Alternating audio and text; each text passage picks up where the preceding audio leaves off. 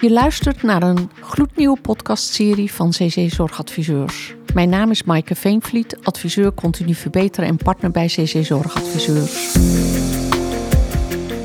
In deze aflevering van onze nieuwe reeks over het gebruik van data duiken we in de uitdagende vraagstukken die er echt toe doen als het gaat om het inzetten van professionals ook op de stafafdelingen.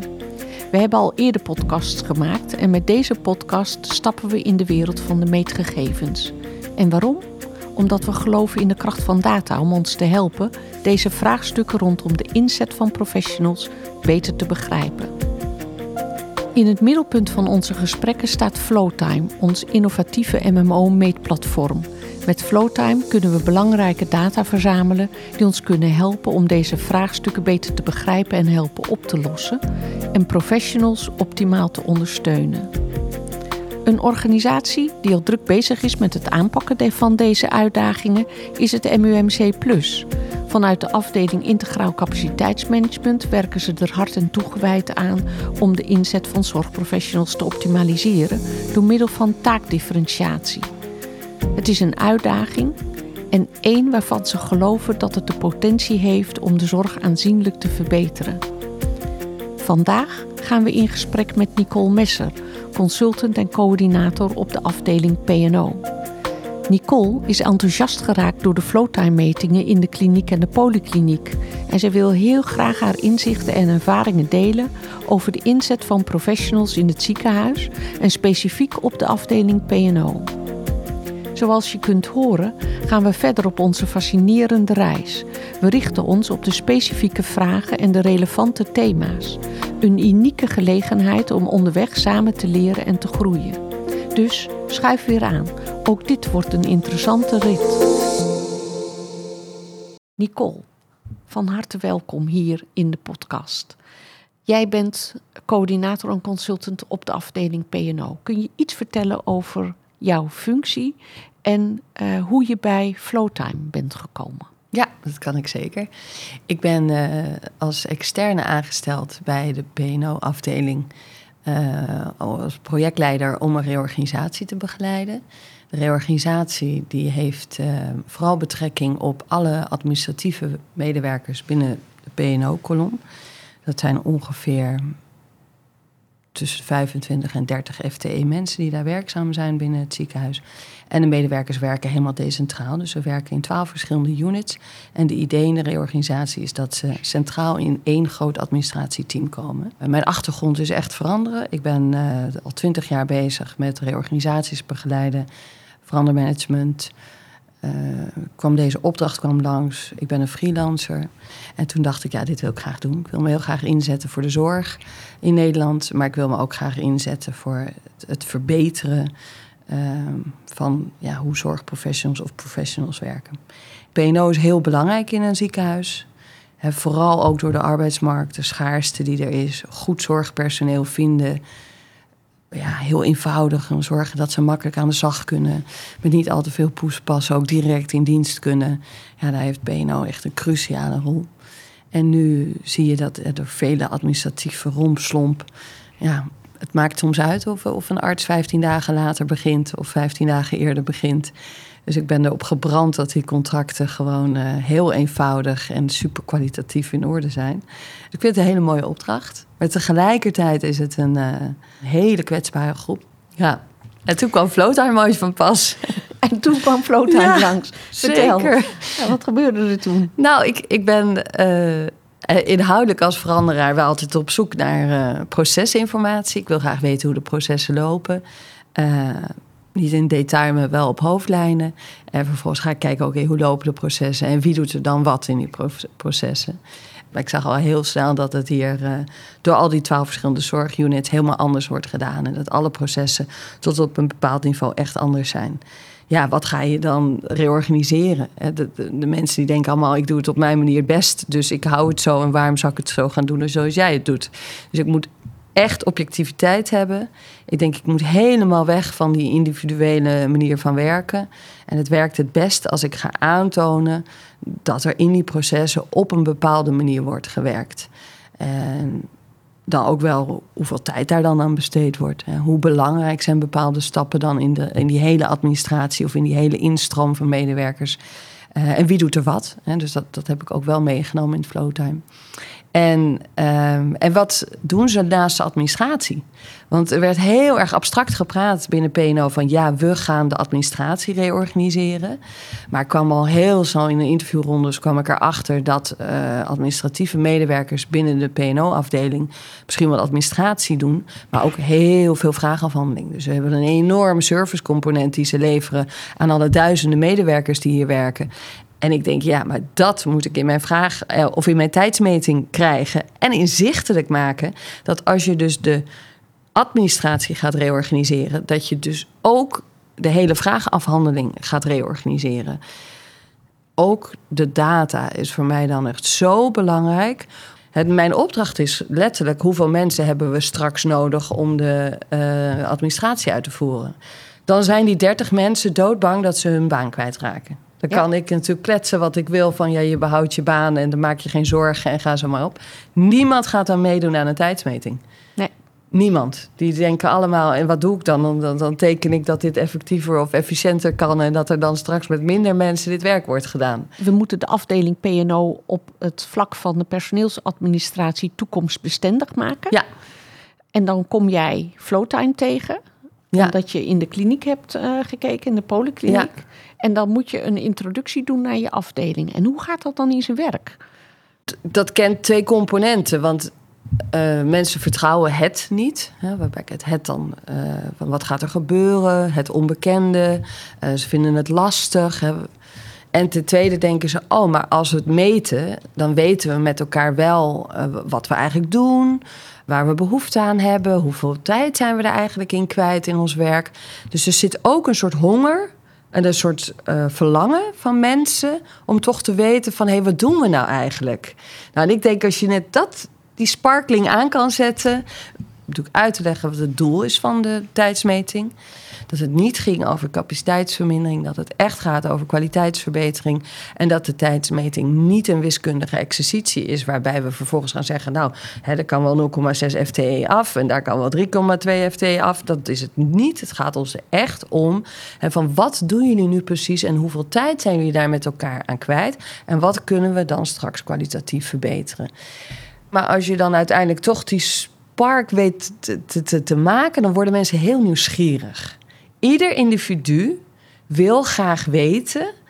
Uh, wat doe ik eigenlijk? Hè? En als er dan iemand komt meten, wat ziet hij dan? En wat, wat hoort hij dan? En uh, hoe doe ik het dan ten opzichte van mijn collega? En wat doet zij dan anders? Of wat doe ik dan uh, sneller? Of, of wat kan ik meer doen? Nou, daar moet je het over hebben. En dan is het als, als, als automatisch een tweetje dat ze die tijdsmeting helemaal accepteren. Oké. Je zit er helemaal bij te glimmen als je dat uh, vertelt. Konden jullie gebruik maken van de inzichten die in de kliniek waren opgedaan? Waren daar enthousiaste verhalen van mensen die de collega's op de afdeling PNO hebben overgehaald om mee te doen? Ja, zeker. Want ik, we hebben zelf bij PNO hebben we ook uh, uh, HR Analytics. Dus uh, dat zijn collega's die ook zich veel bezighouden met rapportages, dataverzameling. Ja. Daar ben ik als eerste langs gegaan om te vertellen. Ik, ik wil inzichtelijk maken hoe die administratie loopt en hoeveel tijd daarin omgaat. met die 30 collega's, hoe zouden jullie dat doen? Ik ken zelf, hè, echt heb ik het over twintig jaar geleden, maakten wij zelf met Excel tijdanalyses. Dat is mijn achtergrond. Dus ik weet hoe het is om uh, mensen met hele lange Excel-sheets uh, dagenlang te volgen, en minuutjes te scoren en te turven, om maar die processen in kaart te brengen, hoeveel tijd daarin omgaat. Dat idee had ik, hoe krankzinnig ook. Ik denk, ja, misschien kan ik die mensen zelf vragen om hun tijd te gaan registreren. En toen kwam dus mijn collega bij PNO, die zei van... nou, je moet bij ICM gaan kijken, want daar hebben ze een, systeem wat Timeflow heet. En misschien helpt dat je. Nou, dan was ik natuurlijk meteen helemaal nieuwsgierig. Ik denk, nou ja, als dit inmiddels twintig jaar later gewoon heel veel leuker, makkelijker en digitaler kan, dan ga ik dat uitzoeken. En zo heb ik hier contact opgenomen met Jacqueline. En toen eerst gekeken naar de mogelijkheden. Dus met haar ook echt ja, dus die, ja, die, die rapporten bekeken. Hoe je het dan invult, hoe ik het kan opbouwen, wat ik kan meten. Ehm, ja, wat, wat dan daarna de mogelijkheden zijn om in een reorganisatie dat te gebruiken. Vervolgens zitten natuurlijk ook kostencomponent aan. Dus dat is voor mij ook wel van, nou, als ik dit ga doen, past het dan binnen het budget van uh, het project?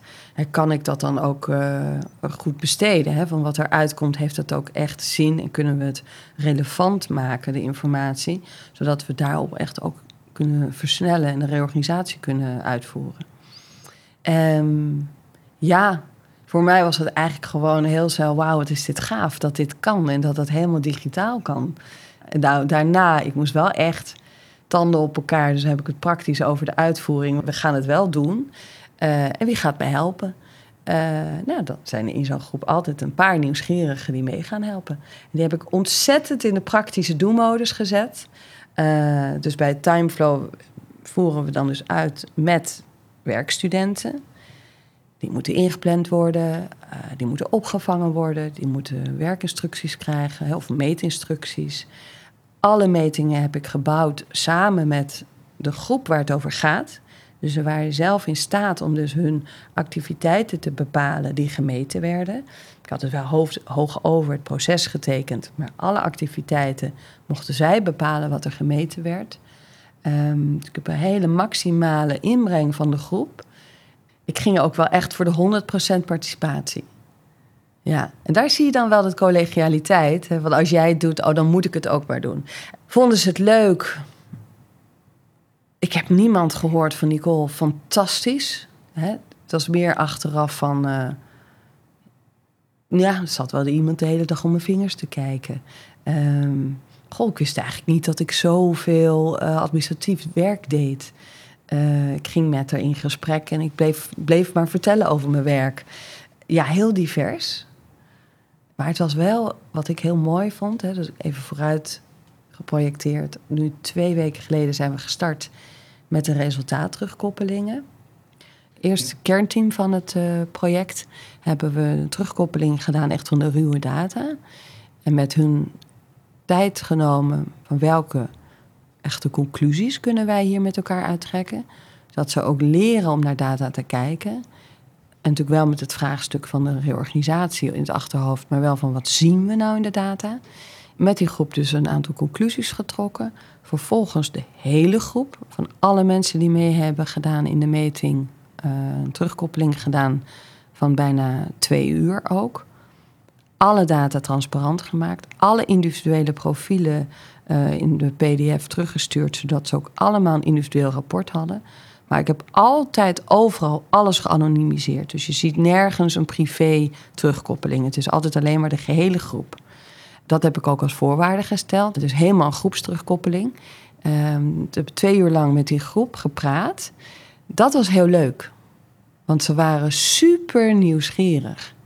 En wat ik zei in de reorganisatie gaat het dus over uit die twaalf zorgunits naar één zorgunit toe, of naar één centraal team toe om de administratie te doen. Nu zit er heel veel inefficiëntie en ineffectiviteit in die twaalf zorgunits, omdat ze allemaal op hun eigen manier doen, maar daarin dus ook vaak zoekende zijn. Uh, je zag heel duidelijk, er is al één centraal team. Dat werkt zo vele malen effectiever en efficiënter. Dat zag je heel duidelijk in het flowtime. Ja, ja. Nou, ik zette die conclusie daar niet boven. Maar die trokken ze gewoon helemaal zelf. Ja. En dan worden ze ook nieuwsgierig van hè, waarom doen jullie dat zo en hoe doen jullie dat dan anders? En dat gesprek, dat is wat ik zo graag wil. En dat gebeurt dan in, in zo'n terugkoppeling. Ja. Zie je dat medewerkers, ja, het, het zijn medewerkers in administratieve functies, die dan daarover gaan praten. Ja, dat is prachtig. Ja dan is het net een begin dat het niet van mij is en dat het moet, die verandering. Maar dat ze dan zien van hé, hey, ze doen het anders en misschien kan ik dat ook. En ze zien het omdat er dus data achter zit. Ja. En dat hadden ze nog nooit eerder gezien. Nee, nee, nee, nog nooit. Nee. nee. En ik hoor je twee dingen uh, zeggen die hier belangrijk voor zijn geweest je was klip en klaar over de verandering die ingezet moest worden. Je bent naar hen toe bewogen in de zin van laten we de activiteiten die horen bij de administratieve functie goed in kaart brengen. Vertel mij wat doen jullie? Dus op het niveau van de activiteiten konden zij aangeven: dit zijn voor ons de kernelementen van onze functie. Ja, helemaal. Ik denk dat er eh, mensen niet makkelijk kunnen bedenken: oh, hoe ga ik het anders doen? En dan komt er iemand van buiten of er komt een directeur die gaat vertellen: we gaan het anders doen. Uh, en nu zagen ze ook in de data dat het anders kan. En dan gaan ze met elkaar praten van wat doe jij dan anders? Ja. En ik denk dat dat een. Uh, dan komt het dichterbij, zo'n beeld van: oh, ik doe mijn werk wel zo, maar het kan dus blijkbaar ook anders. Ja. Ik denk dat dat heel belangrijk is in een veranderproject. Dat er dan een opening ontstaat. Ook in hun eigen overtuigingen. Van hé, hey, misschien kunnen we het anders doen. Ja. ja. En ze houden daarmee grip op hun eigen werk. Meer, ja. Ja. ja. ja. En het is wel terecht wat je zegt. Hè. Ik ben heel duidelijk in de opdracht van we gaan reorganiseren. We gaan centraliseren, punt. Uh, daar is geen discussie over mogelijk. Maar wel de invulling en hoe dan. En ook de uitnodiging iedere keer naar de groep om mee te doen. Dus hadden, gisteren hadden we een hele grote werkconferentie waar ongeveer heel PNO's uitgenodigd. En, uh, ik denk, over het algemeen komen er dan ongeveer 50 of 60 collega's. En daar zijn dus de tijdsmetingen teruggekoppeld. En voor mij was het, dat is voor mij het allerbelangrijkste dat ik het niet doe. Maar dat er dus iemand, een collega, dat doet, dat hij over zijn eigen tijdsmeting praat. Ja. En dat gebeurde dus ook. Ja. Dus ik heb daar wel vorige week veel tijd aan besteed. Dat ze zich uh, veilig voelt en ja, dat ze weet wat ze wil zeggen en dat ze het kan zeggen. Maar het is zoveel krachtiger als zij het vertelt. En dat zij heeft meegedaan aan de tijdsmeting en de resultaten van de tijdsmeting. En wat het betekent. dus welke conclusies kunnen, welke aanbevelingen geven we. Um, op basis van de tijdsmeting. En ook de hele groep die gemeten is, misschien niet allemaal, maar het merendeel was ook aanwezig in de zaal. Die wisten ook dat dat tijdens die werkconferentie gedeeld ging worden. Um, die zijn ook toch trots, omdat ze dan, het gaat over hun. Uh, en we hebben het ook, het, dus wat ik zei, de reorganisatie, ja. Maar daarna zie je gewoon dat ze, die data zorgt voor verrijking. Want in de verandering is het heel belangrijk dat ze zien dat niet alleen die administratie verandert, maar dat dus ook inhoudelijk de serviceverlening en de vraagafhandeling van PNO door deze groep gedaan wordt. En ik ben nu zo ver, en dat is, voor mij is dat heel belangrijk om vanuit data en inzicht te veranderen. Ik kan dus cijfermatig onderbouwen dat we straks één serviceportaal nodig hebben met x aantal medewerkers die ervoor gaan zorgen dat de hele vragenafhandeling heel professioneel wordt ingericht. Daar heb ik, je ziet dat wel als je met mensen praat, maar nu heb ik heel duidelijk in kaart kunnen brengen. Eigenlijk bestaat hun werk uit twee componenten. Ja. Het is de administratie, maar het is ook de vragenafhandeling. Ja. En dat is prachtig, omdat je dan daarna, hè, hierna, uiteindelijk moeten natuurlijk teams worden gebouwd. Maar het wordt niet één team, nee, het worden twee teams. Maar dan is die hele logica en die hele verhaalopbouw... komt helemaal voort uit zo'n tijdsmeting. En natuurlijk daaromheen... Um, kijk, een van de dingen die in de tijdsmeting niet aanwezig is... wat voor mij dan uh, iets is wat ik dan op een andere manier heb moeten analyseren... is bijvoorbeeld hoeveel uh, werk doen die mensen dan tijdens zo'n tijdsmeting?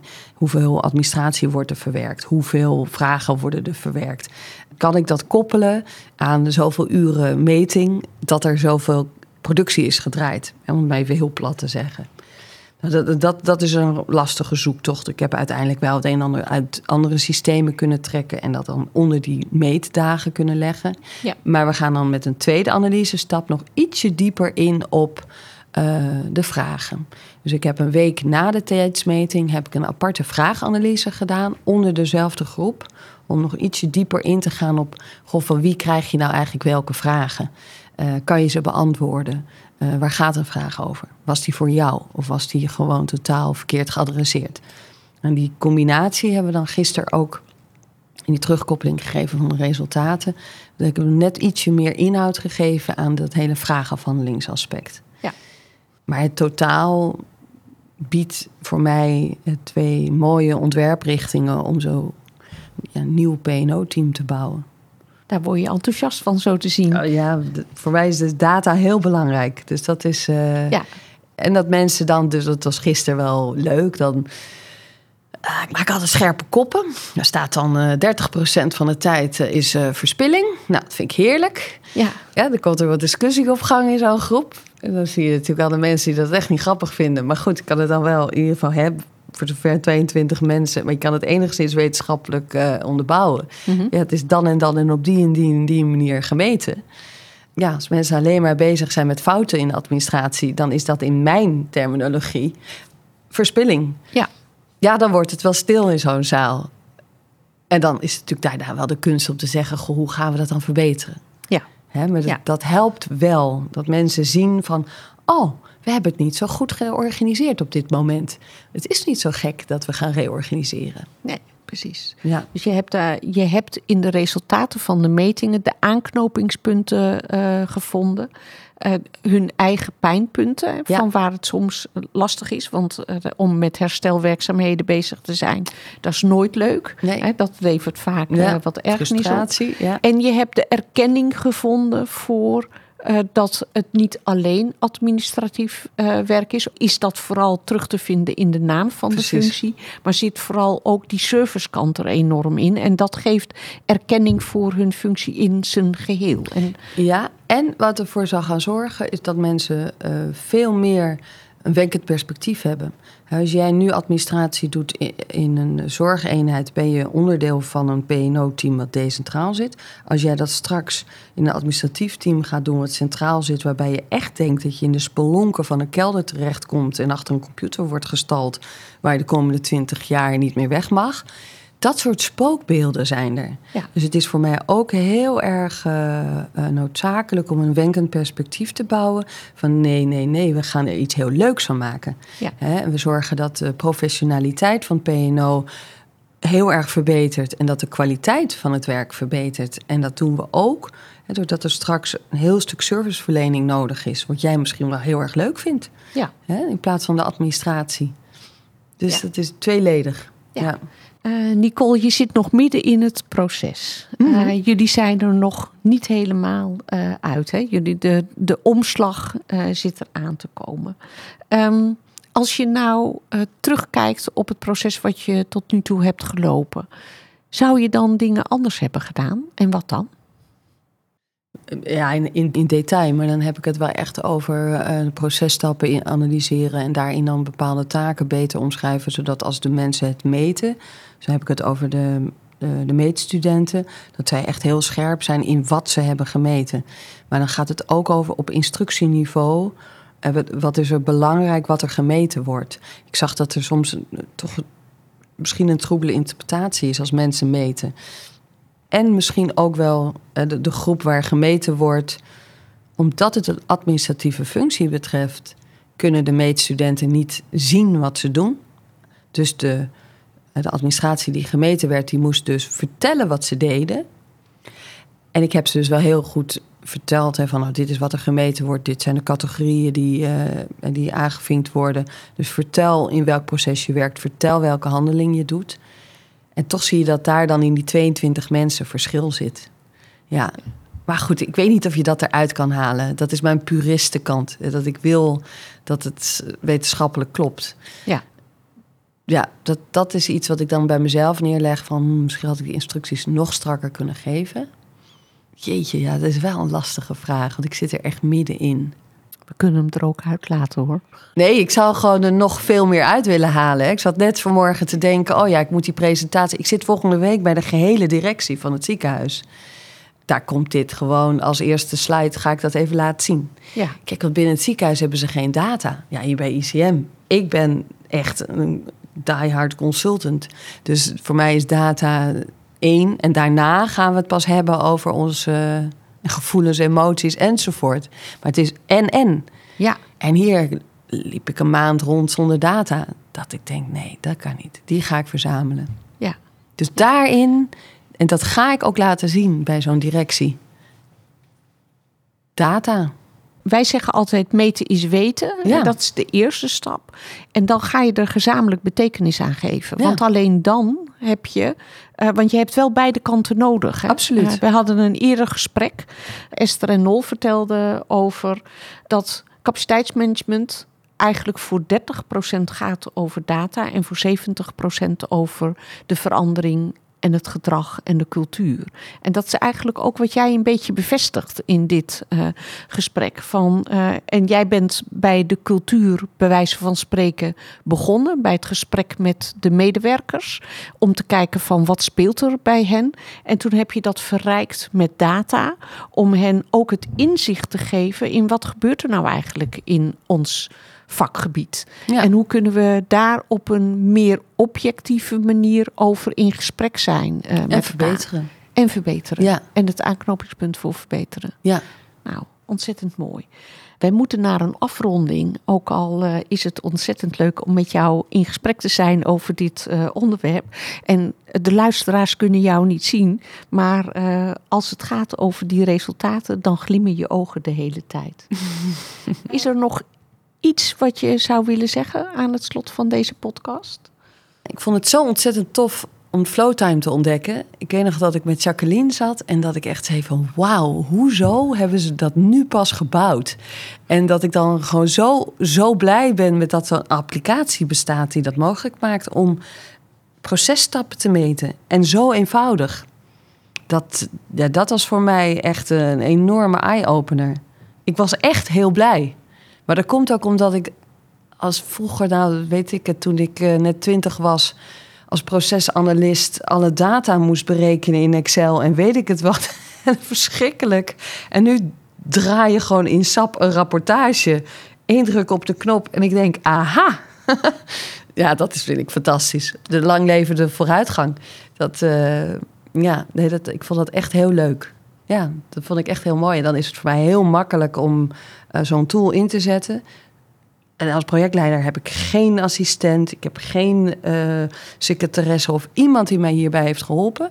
Dus ik heb het ook nog helemaal zelf in mijn tijd kunnen doen. Ja, dat, dat vind ik wel bijzonder.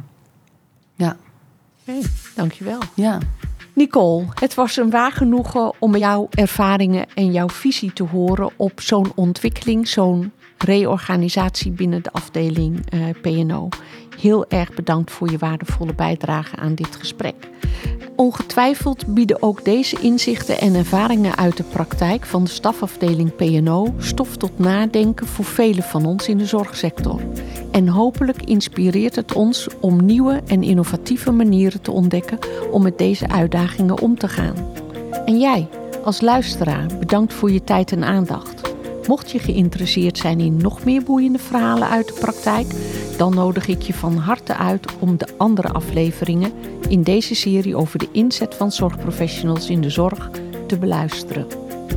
Dit was weer een aflevering van onze nieuwe podcastserie over het gebruik van data, gepresenteerd door CC Zorgadviseurs. Blijf bij ons voor meer interessante gesprekken en waardevolle inzichten in de andere afleveringen. Dankjewel.